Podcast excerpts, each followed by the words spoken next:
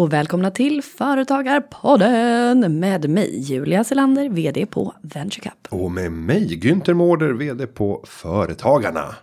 Och den här veckan så kommer vi att eh, ta upp en fråga som jag inte hann besvara på en vinnarlunch som jag hade tillsammans med några deltagare som hade varit på en mässa. Gud vad spännande.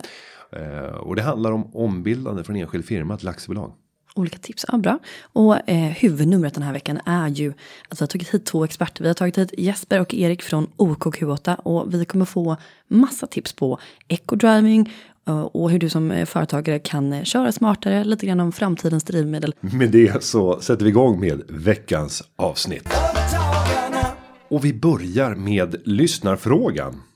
Ska du ta frågan som vi har fått från Gabriella i Nyköping? Hemskt gärna.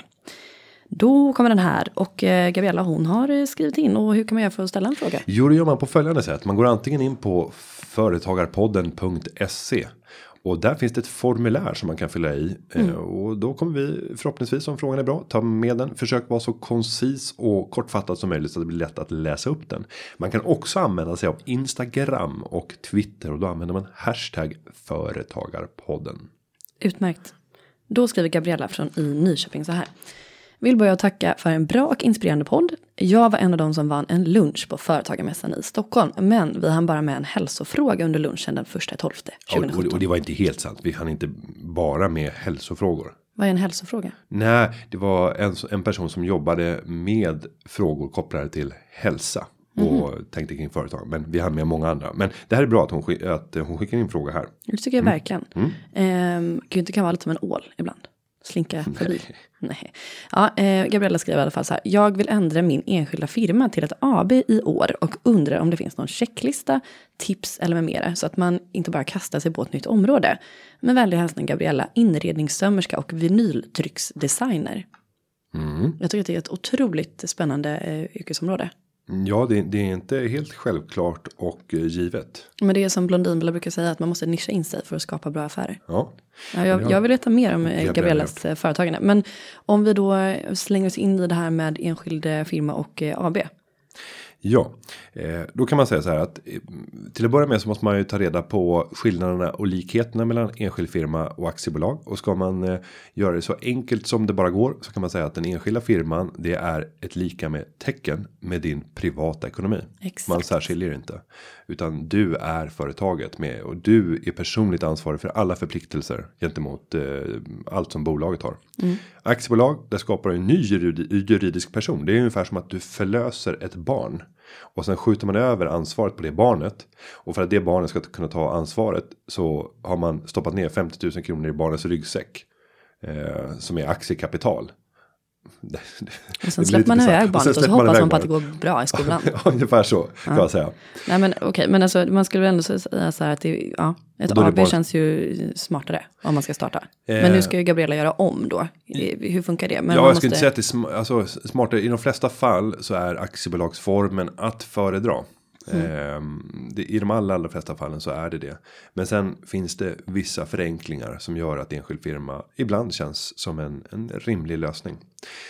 Om man ska ombilda då, gå från enskild firma till aktiebolag. Man, man ombildar, alltså man får väl lägga ner och starta nytt. Ja, det, det blir ju indirekt. Men vad du gör, det är ju att det bolaget du driver och i det här fallet inredningssömmerska och vinyltrycksdesigner.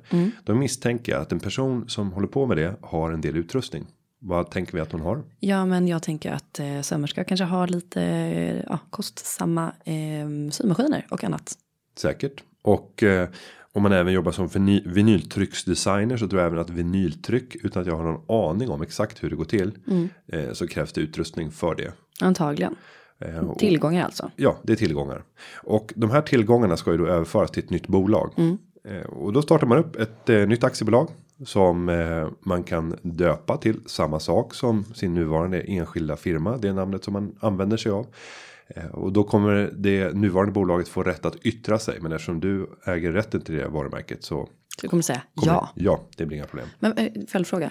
Kan det vara så att eh, det finns, om vi då säger att eh, vi heter vinyltrycksdesign. Eh, kan man heta det som enskild firma men att det är liksom upptaget som AB? Eller nej? Ja, ja, det kan du göra för enskild firma. Där är det ju ofta det är ju namn. Eh, Det är ju ditt personnummer som som du använder när du driver en enskilda firma och det används. Ditt personliga namn är ju förknippat med den firman. Sen kan du ha varumärken och eh, om du som enskild näringsidkare använder av ett varumärke som inkluderar vinyltrycksdesign, svensk vinyltrycksdesign. Så måste du genomgå samma process hos patent, patent och registreringsverket för att ha rätten att ensamt få använda det här. Du kanske borde kolla upp det där med namnet också. Ja, och det där har PRV, Patent och registreringsverket, en väldigt bra tjänst där man kan söka för att se om det sannolikt finns någon. Den är inte hundraprocentig, men den ger en indikation även när det gäller uttal och, och liknande. Vi har ett sånt eh, case där en enskild medlem har drivit ett, eh, en process om att få använda ett varumärke mot den stora jätten Nikon som bland annat tillverkar kameror. Eh, hon, hon tillverkar eh, regnkläder under varumärket Unicon Rainwear. Unicon Nikon. Nej men. Ja men du förstår, det, det, är inte ens, det är inte ens i närheten. Det är inte ens samma produkt, produktkategori. Och där ska vi säga att hon har vunnit den här tvisten. Så att det är glädjande. Men du förstår att just användningen av varumärke är eh, Ja, det, det kan bli tufft och möter man stora jättar. Nu tror jag inte att det finns några stora jättar som heter så här svensk vinyltrycksdesign. Men kolla varumärket först. Om Bra vi ska- tips. Om vi sen ska gå vidare och förklara det praktiska. När du har startat ditt nya aktiebolag så ska du då köpa tillgångarna som finns i din enskild firma. Och då måste du göra en marknadsvärdering av det här. Och det här är ju komplicerat. Här har vi begagnad utrustning som är kanske av väldigt speciell karaktär. Som det inte finns någon riktigt stor marknad för. Vad vet jag. Eh, och då måste du göra en uppskattning och det måste kunna styrkas att det är ett korrekt värde om du skulle få en skatterevision. För här skulle du kunna mixtra. Du skulle antingen kunna ta ut ett väldigt lågt värde för de här och på så sätt dopa ditt aktiebolag. Eller ta ut ett väldigt högt pris för dem, ett alldeles för högt pris. Och därmed ta ut pengar från ditt aktiebolag ut till dig som privatperson. Ehm, och sen så kommer du då att göra en, en avveckling av din enskild firma. Så den kommer stängas ner det året. En bra sak att göra det är väl att. Att tänka när på året man gör det här. Ehm, så, att det blir så smidigt som möjligt. Jag tycker ju normalt sett att det är rätt bra att göra det kanske i början av ett år. Gör man det som första sak i januari. Så vet man att jag har inga affärshändelser som händer i min enskilda firma mer. Eh, och eh, i ett aktiebolag så kan du ha ett förlängt första räkenskapsår. Så de har startat upp det i slutet av året innan. Kanske i november. Så att det är förberett. Men sen har man då ett år och två månader på sig till exempel. Och sen för man över det som första grej. För då vet jag att jag har ingenting att deklarera för min enskilda firma för det nya året. Mer att jag ska avveckla det och föra över de tillgångarna som jag har sålt. Så det är ett bra tips. Ja men det låter väl bra. Och eh, sen när man är igång då. Jag tänkte vi pratade lite om fördelar och nackdelar med AB versus enskild eh, firma. Och nu har ju Gabriella antagligen bestämt sig här redan. Och jag tänker, är det någonting mer man ska tänka på nu? Eh, alltså enskild firma versus aktiebolag. En annan eh, sak som kan vara bra att tänka på. Det är om man har använt sig av eh, en periodiseringsfond eller expansionsfond. Som enskild eh, näringsidkare så får man rätt att avsätta en del av det överskottet som man har gjort till en periodiseringsfond för att på så sätt kunna balansera resultat över åren. Annars så tvingas man ju beskattas för hela resultatet. Men det här kan man säga är en liten skyddskudde som man har som enskild firma.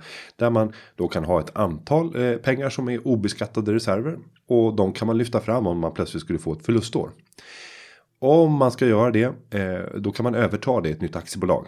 Men där tycker jag att man ska ta kontakt med en redovisningskonsult för att se att man gör de stegen rätt. Sen kan du gå in på företagarnas hemsida och bara söka på starta aktiebolag. Då har vi olika checklistor för vad man ska tänka på när man startar upp det. Och känner man, känner man sig det minsta osäker så ring rådgivningen. Där finns det åtta stycken specialister som bara sitter och väntar på att du ska ringa och ge svaret på alla dina frågor. Så går det att lösa över telefon så är det kostnadsfritt och de flesta frågorna som kan komma av den här karaktären är ju av den arten. Sen kan det vara några så här redovisningsmässiga delar. Särskilt om det är ett äldre bolag med eh, mycket tillgångar i form av utrustning som man behöver för sin verksamhet. Eh, och att du har nyttjat periodiseringsfond. Då eh, bör man ha en redovisningskonsult. som- Men det kommer ju rådgivningen säga i sådana fall. Ja absolut. Världens bästa tips. Så med det hoppas jag att Gabriella kommer med framgång. att skifta sin eh, enskilda firma till aktiebolag. Och vi önskar henne all lycka till på den fortsatta färden. Verkligen. Och nu har det blivit dags. Vi ska få lära oss mer om hur vi kan spara pengar. Eh, vi ska få lära oss eh, mer om framtidens drivmedel. Vi ska få lära oss eh, ja, en hel del saker som vi kanske förhoppningsvis inte har svaret på än. Och jag ska avslöja en chockerande hemlighet. Ja, för- förhoppningsvis. Det får vi se om de har svarat på frågan. Men vi har bjudit in två stycken specialister för att lära oss mer om bland annat eco driving. Och jag har ju tidigare engagerat mig i den här frågan. Jag har skrivit ett blogginlägg i mitt tidigare liv. Där jag har tagit upp just eh, de viktigaste sakerna. I form av att hålla rätt hastighet. Jämnheten i hur man kör. Eh, jag har tittat på att eh, välja en hög växel tidigt. Växla upp så fort du kan. Att välja rätt däck och ha rätt däcktryck. Att tömma bilen inuti och utanpå. Och att man kör på rätt ställe också. Ja, att man undviker rusningstid och omvägar. Eh, nej, men jag gjorde en uträkning där jag tittade på de här effekterna och såg att många förare kör på ett sånt sätt att man kan sänka sin förbrukning med upp till 35% per år. Om man då har en lite törstigare bil, lite större, som drar 0,9 liter. Nu var det några år sedan jag skrev det här blogginlägget. Eh, så att det är inte så många som har en sån förbrukning idag. Eh, Men om man gör det och kör 2000 mil om året så kan man göra en besparing på 9450 kronor per år. Genom att bara förändra sin körstil och göra några små förändringar jämfört med idag. Var hittar man den här tipslistan då? Ja, det här gjorde jag på Nordnet-bloggen. Så att eh, där kan man söka efter lätta på gasen och spara 10 000 kronor. Eller så fortsätter man bara lyssna, för vi har ju två experter här idag. Ja, det har vi. Och vi säger nu att de är välkomna in i studion. Då har vi två särskilda gäster som har äntrat studion. Vi hälsar Jesper Kansbod välkommen som är chef för Public Affairs på OKQ8 och Erik Stenströmer Moglia som eh, idag gör vad då? Jag är kategorichef drivmedel på OKQ8. Kategorichef. Ja, det är lag, lagom luddigt. Men eh, det är att jag eh, arbetar med eh, affärsutveckling, utveckling av nya drivmedel, laddning, snabbladdning på våra stationer. Ja, och jag, och jag tänker så här. Vi, vi måste outa på direkten. Nej. Jo, men här, här sitter vi med den mest olämp... Nej, vi... Va? Du skulle bara säga olämplig. Vi skulle säga den mest lämpliga personen att fråga och ställa frågor. Nyfikna frågor. Nyfikna. För jag har tänkt att vi ska få nu lite tips på sparad krona när vi kör bil. Vi ska få lära oss lite mer om komplicerade saker som händer just nu. Som kan påverka företagare när det gäller just bilägande och bilåkande. Varför ser du så knipslug ut, Günther? För jag, jag tänker så här. hur, länge, Ja, hur länge har nu du är haft det körkort? faktiskt så här att vi... Förlåt? Hur länge har, du haft körkort? Ja, men jag har haft körkort länge i mitt huvud. Ja. Och nu är det så att jag är kanske den som är eh, den bästa personen här på att spara eh, fossila bränslen. För att jag kör ju inte bil utan jag åker ju tunnelbana. Du åker bara med andra som har stora suvar. Och åker mycket Ja, ni ska- taxi. nu- Nej men jag har inte körkort. Nej, Och det är jag väldigt stolt över. Jag är väldigt duktig på att köra bil. Så det, det kommer bli skarpt vässade frågor, det kan jag säga. Men jag är nyfiken på att kasta oss in nu omedelbart i hashtag sparad krona och tänka. Ni måste ju ändå sitta med kunskaper som är guld värda när det gäller just eco-driving. Eh, och, Vänta. Jag har ju kört upp en gång. ja, du har det. Men, men du har alltså inte körkort. Nej men det var ju fel på han som, ja, i alla fall. Skitsamma, det är en lång historia. Men jag har ju kört upp och då, då kan man ändå säga att jag är nog den som senast har varit på trafikskolan. För det här var ju två år sedan. Eh, och då har man lärt sig mycket knep. Ja det är korrekt. Eh, då har man lärt sig mycket knep. Så ekodriving, det är, men det är så här växla mellan tvåan och fyra och sånt. Finns det några nya knep? Det är jag nyfiken på. Ja. ja, vad säger ni? Vad finns det för tips för att eh, öka effektiviteten i sin eh, förarteknik? Jag tror du sa det bästa där med växlingen. Günther, nej, har Vi, är rätt direkt. Ja, ja, fast är, är det så, så kaxigt som? Nej, men de grundläggande tipsen, där kan man för övrigt gå in och läsa lite på vår hemsida. Jag kan göra reklam för den på en gång. Där finns det en liten dedikerad sajt kring ecodriving. Men det handlar mycket om att ha rätt däcktryck. Att se till att inte gasa och bromsa för mycket. Och sen eh, fuska lite sådär med växlingarna. Men det är som sagt de lätta knepen. Erik, du sitter ju lite med de tyngre kunskaperna. Riktigt tunga tipsen. Ja, absolut. Ja, men självklart. Eh, alltså, det finns ju några saker som man gör att man kan spara pengar också utöver hur man kör. Till exempel se till att man har rätt smörjolja eller rätt motorolja. Se till att Men du hur, har... eh, men hur mycket spelar det roll då? Det kan ändå ge några procent och några procent är ju ganska mycket. Ja, procenten. Eh, procenten är viktigt. Men det är självklart, det är en begränsad, friktionen i motorn, det är en begränsad del av eh, förlusterna. Fälla in sidospeglarna. Är det en... Exakt, nej, men eh, om du tar på lastbilar så kan det ge en, en väldigt stor effekt att ta bort sidospeglar, ta bort eh, bling-bling, alltså Ja. eh, Extra extra, ljus och- ljus och utrustning. Och då kan du få rejäla besparingar. Nej, men Um, är det så? Ja, och det är till och med så här om du, om du tar bort dörrhandtagen och bara eh, tejpar. Det ger också. Det är ju också cred på gatan så att säga. ja, kanske inte. Svårt att ta sig in och ut ur bilen. Ja, det kanske är bra. An, andra saker då? Ja, men sen gäller det självklart, vi kommer ju få ett drivmedelsbolag så det är ju rätt, viktigt att välja rätt drivmedel. Eh, Eller rättare sagt se till att man alltid väljer ett, ett, ett bra kvalitetsdrivmedel. Men hur eh, stor som skillnad är det på, på bensin och bensin och diesel och diesel och etanol och etanol? Eh, På etanol och etanol, eller bensin och bensin. Framförallt blir det, kan det bli effekter på lång sikt. Eh, nu eh, skulle jag säga att uh, drivmedelskvaliteten på den svenska marknaden är väldigt bra generellt sett. Eh, utan eh, det viktiga är att man har ett drivmedel som ser till att hålla rent och göra rent och, och se till att vårda motorn. Så att den går så bra som möjligt.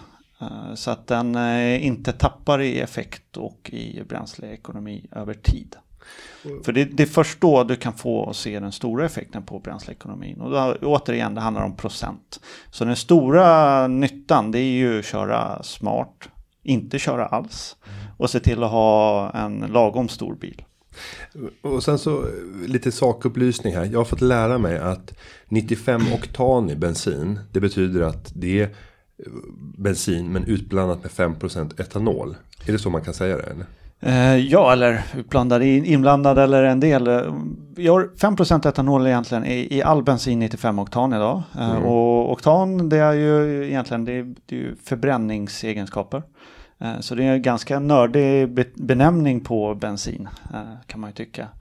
Sen har du bensin 98 oktan, även där kan det finnas etanol. 2%. Ja, det kan få finnas upp till 5% och det beror lite på från bolag till bolag och hur man gör. Det är vanligtvis lägre andel. Idag eh, skulle jag säga att det, det är alltid från 0 upp till 2% och sen har du lite annat. I, I min tidigare podd så eh, avslöjade jag ett av mina spartips som kanske jag nu helt får eh, spö för. Får jag gissa? Ja, säg. Var det lite olagligt? Nej, nej, nej, det var inte olagligt. Jag tänkte om du var en sån som man ser i filmer så liksom går Nej, det var på natten till en park och så, så, liksom öppnar tanklocket och suger ut liksom Ja, jag började, bensin. jag började slanga bensin från grannen. Det var mitt spartips. Nej, det var Nej men inte. alltså på riktigt, det Nej. skulle kunna. Nej, det skulle inte jo, hända. Eller, ja, Eh, nej. men, men däremot så um, hade jag en Volvo V40 som eh, 2,0 liters turbo som man tankade 95 med. Men då tankade jag 40% etanol och sen så 60% 95 oktan i. Och det funkade alldeles utmärkt. Det lät inte konstigt, den gick inte konstigt, men varje tankning blev väldigt mycket billigare. Skulle du avråda mig? Det blir väldigt svårt för mig att rekommendera eh, någonting som eh, skulle vara olagligt för oss att sälja. Är det olagligt för att Eh, sälja? Vi, det vi kan ju sälja är E85 till exempel. Men vi, kan inte, vi får inte sälja mer än eh, 10% etanol i bensinen. Eh, för att det styrs av så kallade drivmedelslagen. Eh, så det är Men jag väldigt- har inte varit olaglig. Nej, som Jag är- konsument får man hitta på diverse saker. Eh, Men som drivmedelsleverantör så är det väldigt styrt. Och det, är- det finns väldigt hårda regler och det är mycket, det handlar om för att, att säkerställa att avgasemissionerna, alltså utsläppen ifrån ditt avgasrör, inte blir giftiga och farliga för den vanliga medborgaren. För här tänker jag ju att det måste ha blivit bättre. Eftersom jag har mer etanol i bilen. Så borde det sammantaget bli en effekt av att jag släpper ut mindre elände. Ja, fast avgasröret är ungefär samma. Eller det kan bli lägre med etanol men det kan också bli värre. För det kan skapas Oj. andra giftiga avgaser eh, av, av etanol. Det finns aldehyder och och på metanol kan det struntar väl du i inte så länge man kan spara en liten peng? Eller? Nej, nej, nej, nej. Det här är viktigt. Jag, jag, jag kunde ju köra miljökortet ofta. Sen så var det bilkännare och mekar som sa så här att nej, det där är ingen bra idé. Det kommer funka, men det som händer är att i bensinen så finns det ett smörjmedel för slangar och liknande. I etanolbilar så är det annorlunda. Eh, då man använder man andra slangar med kanske något teflon eller vad vet jag. Absolut, och jag skulle säga att det är inte smörjmedel utan det är nog med att etanolen har ju lite andra egenskaper. Mm. Den ser lite annorlunda ut så den kan vara aggressiv mot vissa plaster och vissa Det var det slangar. de pratade om, gummi. Och tätningar och gummi och i förlängningen så kan det väl leda till att du skulle få att det börjar droppa, Mm. läcka. Eh, och det är ju inte önskvärt. Men det sa de, det här kommer först drabba nästa ägare. Jag tänkte precis säga det, det här är någonting som känns som en typisk så här, nej men allting är jättebra, säljer vidare och sen så exploderar bilen nästa ägare. Typ. Nej, det kommer inte göra. Den kommer börja droppa lite grann. Lite, lite Mm. Har du sålt den här bilen? Ja, det har jag gjort. Till, till en, en bilbyggare på Mm. västkusten. Så att det känns som att det ändå är, är rent. Rent. Nej, men det...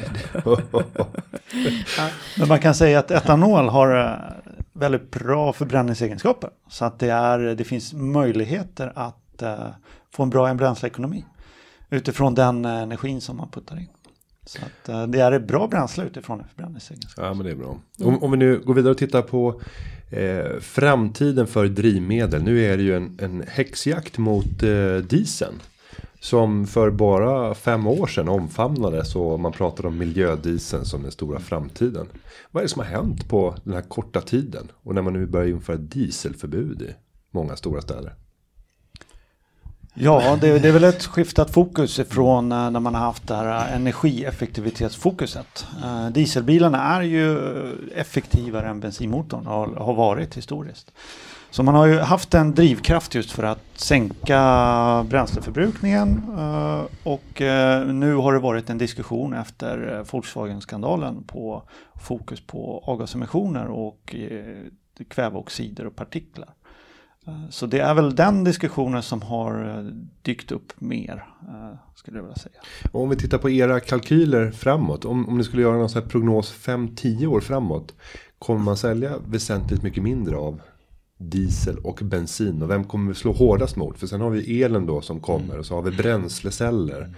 Vad, vad gör ni för kalkyl? För ni måste ju ändå sitta och förbereda er för, för den framtiden som, som ett bensin, drivmedelsbolag. Absolut, tittar vi på det. Men om du tittar på kanske den närmsta tioårsperioden så tror jag att man räcker med att titta lite på hur ser dagens bilflotta ut. Och tittar man på vilka bilar som rullar på vägarna idag, vilka som såldes i bilhallarna förra året så är det väl, vad är det Erik, 93 procent är, har en eh, konventionell förbränningsmotor.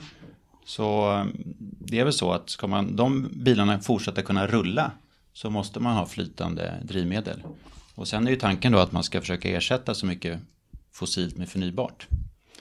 Så flytande drivmedel tror vi kommer finnas kvar ett bra tag till. Och sen kommer väl det skifta lite. Tunga transporter kommer väl säkerligen ha det behovet lite längre än personbilar. Och så får man titta lite på också, du har en situation kanske i tätbebyggelse i städerna och en annan ute på landsbygden. Så det beror lite på liksom plats och behov skulle jag säga. Men eh, ja, vi ser väl att det i alla fall behövs till 2030 and beyond skulle jag säga också. Och sen kan vi ta den stora trenden med elfordon. För att det är ju, den kommer säkert bli ännu starkare efter första juli när vi inför bonus malus systemet. Kanske vi kan beröra lite senare. Men där kommer man ju stimulera eh, köpandet av, bil, av elbilar. Eh, hur tänker ni kring er roll när det gäller laddstrukturen då för framtidens elbilar? Spelar OKQ8 en viktig roll i den infrastrukturen? Ja, men det tror jag, det hoppas jag. Eh, sen vet vi inte exakt hur. Eh, för att det är en ny marknad för oss. Eh, vi tror ju att elkunden har lite andra mönster än, än drivmedelskunden. Du laddar troligtvis mer hemma. Du tankar ju inte upp bensin hemma. Och du behöver troligtvis bara stötta upp med laddning sporadiskt. Eh, när du inte klarar av att ladda hemma eller på jobbet. Eh, så där får vi ju lära oss att se och marknaden är ju ganska omogen så vi vet inte riktigt än hur vi ska vara exakt. Sen satsar ju vi idag tillsammans med E.ON och eh, bygger ut vårt nätverk med snabbladdare. 50 kilowatts snabbladdare. Och idag tror jag vi är uppe i 30 stycken. Eh, Förutom E.ON så har vi byggt egna. Eh, Vi äger ungefär sju stycken egna eh, laddare och sen har vi ett samarbete med Tesla som står på några av våra anläggningar.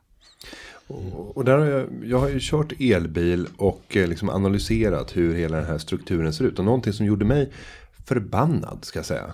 Det var den bristande transparensen när det gäller prissättningen av el. Eh, och, jag upptäckte vid flera tillfällen när jag stod vid snabbladdningsstationer att jag fick betala 10 gånger elpriset som jag har hemma i, jacket hemma. Eh, Och det, det känns lite provocerande. Och när man dessutom köper så stora mängder under så begränsad tid. Så att det borde kunna vara en mängdrabatt. Hur tänker ni kring, kring prissättning och vad, vad håller på att hända? Är det här en omogen marknad? Ja men absolut, och jag tror att det har varit drivet av att man har eh, tagit betalt per minut, eh, sett det som en service. Eh, och det man betalar för har varit att det är eh, just en service för infrastrukturen, för laddaren och säkringsavgifter. Och så.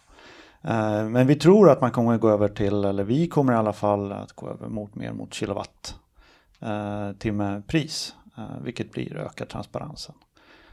Och det är ju önskvärt tycker jag istället för att ta minutpris för att det kan ju variera. Eh, men som sagt det, det har varit lite styrt av att man inte kunnat sälja el utan att det blir en elhandelsaktör men man har kunnat sälja en tjänst. Eh, och det har drivit lite de här prismodellerna tror jag. Men, vad, förlåt, vad, det måste väl vara billigare att köra elbil eller något, eller? Nej? Ja, Nej, nej alltså, och det, det kan jag säga. Nej, inte om man tankar på snabbladdningsstationerna. Som finns i, i infrastrukturen. Okej, men om det man inte är laddar hemma eller på jobbet? så- Ja, ja, absolut. Tveklöst. Okej. Men, men eh, ja. Ja, exakt. Och det där tror jag om man säger att, att priset eh, som man ser på marknaden är runt 4 kronor per kilowattimme om man tar på eh, 4,50 tror jag eh, per kilowattimme om man betalar per kilowattimme. Så tror jag att då kommer man ju lägre ner per, i, på ren energikostnad. Sen ska man ju räkna in batterikostnader och så vidare i driften. Då kanske det blir annat. Så, men så länge du laddar hemma så är det väldigt effektivt. Billigt. Men om jag svänger in och ska ladda min elbil, hur lång tid tar det innan jag, det beror såklart hur mycket jag behöver ladda då. Men Ja, beroende länge- på hur vilken bil du har. Och, ja, hur länge stannar man på, på OKQ8 och, och laddar sin elbil då? Genomsnittstankningen är väl, eller laddningen tror jag är eh, men 25 minuter och 11 kilowattimmar. Som företagarpodden så då, då har man en liten lucka där på 25 minuter som man måste döda. Konsumerar man? Jättedyr korv. Exakt. Vegetarisk korv äter man om man kör Väldigt elbil. god korv. Eh, på OKQ8 hoppas vi ju. såklart. Eh, och eh, nej, men vi, vi ser ju att det är viktigt med kringservice. Det Mm. är viktigt, vi, där vi sätter upp laddare vill vi ju kunna erbjuda en, en trevlig miljö inne i butik. Så man kan sitta ner, ta kaffe, korv. Mm. Eh, så man kan vinna lite tid. Man kan sitta och jobba kanske samtidigt. Istället för att bara sitta och slå ihjäl tiden. Ja, mysigt ju. Nej, och, och som företagare så när man har många olika produkter som man säljer så brukar vi alltid ställa frågan så här. Vad är doftljuset? Vilken är den här produkten som man tjänar brutala pengar på? Men, men som eh, egentligen inte tar speciellt mycket energi att, att sälja. Och då, då sitter jag och tänker på. Är det elen här som är doftljuset? Hos mackägaren? Nej, det tror jag inte. Jag tror att el är väldigt svårt, extremt svårt idag för att tjäna pengar på. För att det, det kostar väldigt mycket att bygga den här infrastrukturen. Laddarna är dyra och säkringsavgifterna, effekt kostar. Eh, Så att idag så är det eh, drivet av eh, stödpengar först och främst utbyggnaden i Sverige idag. För att få, för att få till det. Vi tror ju att det här kommer skifta i framtiden kanske när man, man ser snabbare laddningar. Framförallt fler laddbara bilar. Eh, men där är det ju viktigt att eh, det blir rena elbilar om det är snabbladdning vi pratar om. För att eh, det är få laddhybrider som kommer in och nyttjar supersnabbladdare. När man tankar, då kan man ha, antingen så betalar man med betalkort eller vad man nu betalar med. Men har ni, det jag vill komma till, har ni information och data på de som tankar hos er? Alltså, jag bara tänker så här, ålder, alltså, man måste kunna anpassa liksom, erbjudandet i typ butiken och så här, för man ser Det är vilka klart personer det som är där. kartlägger allt eller? med respekt för all lagstiftning. Ja, Självklart, givetvis. givetvis. Ja, ja, ja. Men det måste vara intressant Ja. att se, för då tänker jag att då kan man också titta på så här, okej, hur, vad är åldern på de som har bilar och beroende på alltså, så storstad, småstad och så här, det måste vara intressant. Framförallt så skulle jag säga att det finns ju väldigt mycket officiell statistik. När det gäller bilägande och eh, vart det finns i, registrerat i län och kommun och typer av bilar och vart är laddhybriderna. Är det i Stockholm och så vidare.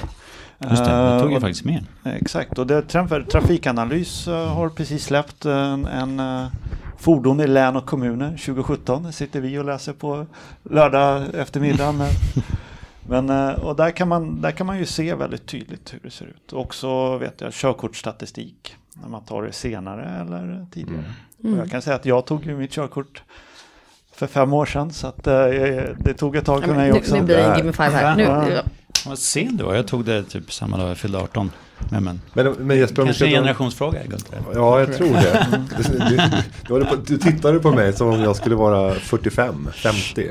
ja, undrar varför. Jaha. Det var för att du är så stilklädd hela tiden. Ja, det är väl så. Mm, med det. Men om vi ska dra några findings från eh, senaste trafikanalysrapporten. Ja, nej, men precis. Vi var inne lite på det förut eh, kring det här du frågade. Och här 92% av alla personbilar som är i trafik är bensin eller dieselbilar.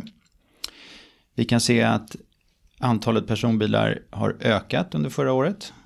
Vad tror ni om ni gissar? Hur många bilar rullar i Sverige?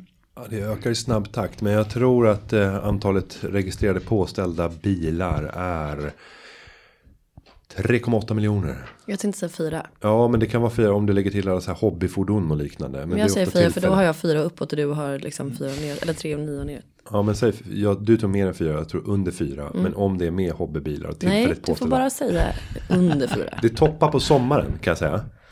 Okej. Men nu är det som okej, på, nu, vi- vänta, vänta, vänta, nu är det som i På spåret, när man, så här, man kan inte fråga, men man ska visa någonting annat. Han bara, "Eh, ja och det var som kung Salomon. Man bara, men det är ingen som bryr sig, man vill veta, kan du svaret eller inte? Nu är Ja. jag kaxig för jag känner att jag får feeling här. Det är 4 miljoner på vintern, sommaren så är det 4,4. Vad är det? Nej, det är faktiskt nästan 5 miljoner. 4,845 På sommaren ja. i trafik. Ehm, Nej men precis, och det är klart att vi tittar mycket på, på sån här statistik. För att titta lite på den frågan du var inne i, på tidigare. Men där räknas skotrar och Jag vet faktiskt inte. Fyrhjulingar med. Personbilar. Personbilar. Ja. Du, du tänker att det är Du liksom, försöker. Du försöker. du tänker att det är en miljon Ja, skotrar blir- som räknas in Själva elcyklar är medräknat i det. Nej. Nej. De, de, kör de på villaolja? Skojar. Vad finns det mer för något kul? Nej men det vi, vi pratar om elbilar. Eh, En procent av alla bilar i trafik är Laddbara. laddbara. Mm, ja, försvinner en liten andel. Men vad tror ni kommer det liksom bli? Ser ni, ja, vad tror ni om framtiden? Kommer det ökas mycket? Jag tror att elbilar kommer absolut öka. Och det är väl bara att titta på vad, vad fokus är eh, från politikerna. Våra, mycket som driver vår bransch är ju politiska styrmedel eh, och vilja eh, och utveckla. Eh, så att jag tror att elbilar kommer komma och kommer komma mer och laddbara. Sen tror jag att som Jesper sa kommer ju flytande finnas kvar under lång tid. Framförallt för att du har en fordonspark som du har nästan 5 miljoner bilar eh, som drivs av flytande och de kommer ju inte skrotas ut, eh, tror jag, i, i förtida. Eh, allt för snabbt i alla fall. Eh, så då kommer de ju finnas kvar i 15-20 år. Nej men sen, det där drivs ju också av, och jag tror att vi, vi är väl alla överens om, vi vet ju vart vi ska någonstans. Vi måste ju sänka CO2-utsläppen och det jobbar ju vi med genom att försöka ha så mycket förnybart som möjligt i våra bränslen vi säljer. Och menar, politiken har ju satt väldigt ambitiösa och, och skarpa mål i Sverige om man jämför med övriga världen till exempel. Så liksom vägen är ju tydlig. Vi ska sänka utsläppen. Och då tror vi att vi måste använda allt vi har. Vi måste liksom satsa på el, vi måste satsa på biodrivmedel, vi måste satsa på vätgas, liksom biogas. Allt behövs om vi ska klara det, för det är så pass svårt och viktigt. Och, och nu när vi ändå har två specialister här. Nu, nu har man fått höra ett ord eh, som kommer att träda i kraft och bli, bli vanligt här efter första juli. Reduktionsplikt. Eh, det låter så här, ja, väjningsplikt har jag lärt mig liksom. Men nu ska vi lära oss reduktionsplikt också. Va, vad innebär det? Eh, enkelt kan man säga att det innebär ett krav på oss som drivmedelsleverantör att sänka utsläppen från våra fossila drivmedel. Så när det gäller fossil bensin och diesel så ska vi blanda i förnybart biodrivmedel och sänka utsläppen med en viss satt nivå.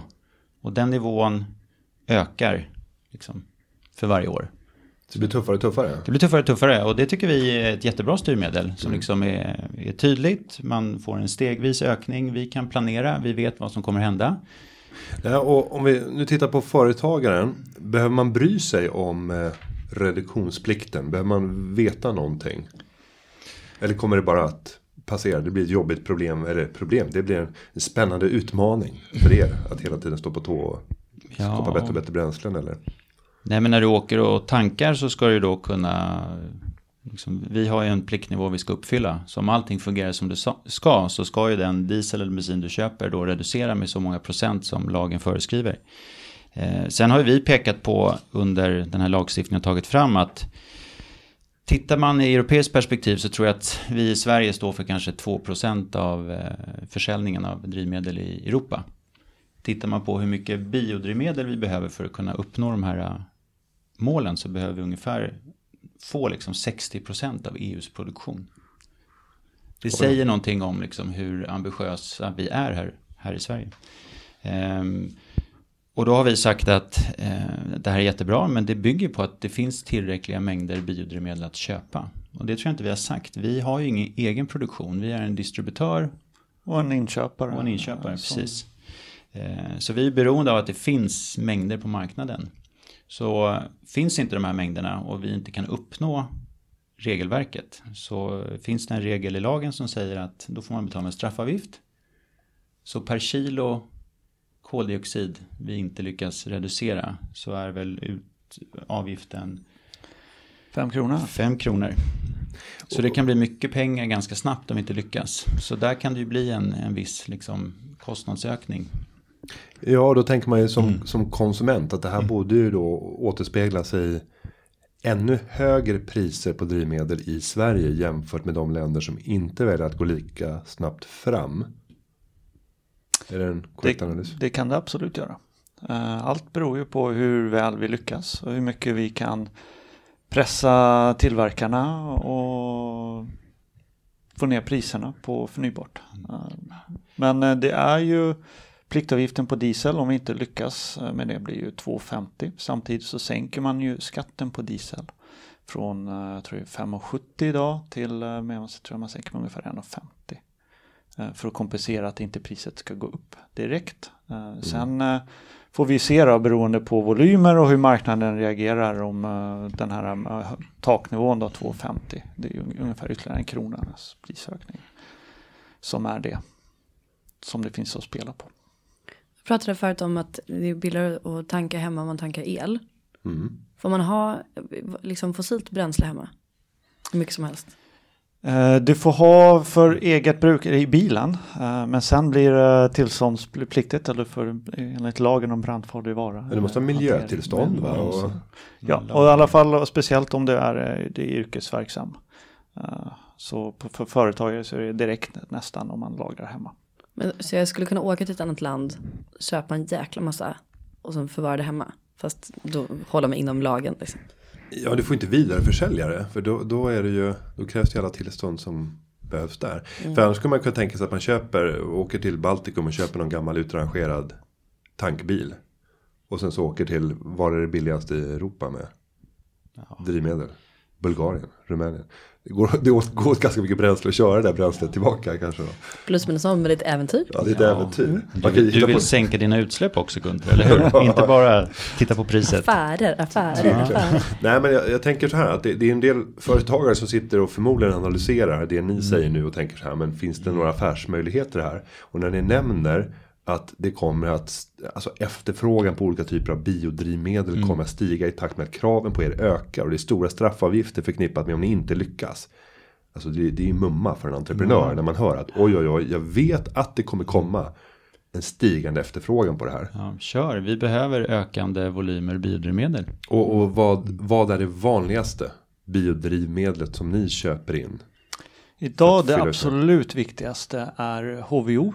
Eh, Det är vätebehandlade vegetabiliska och animaliska fetter. Kör, kör allihopa. Nu, nu tänkte jag att vi avslutningsvis ska få eller att jag eventuellt ska få en myt besannad eller krossad. Eh, och jag har fått lära mig följande. Att tanka alltid på en söndag.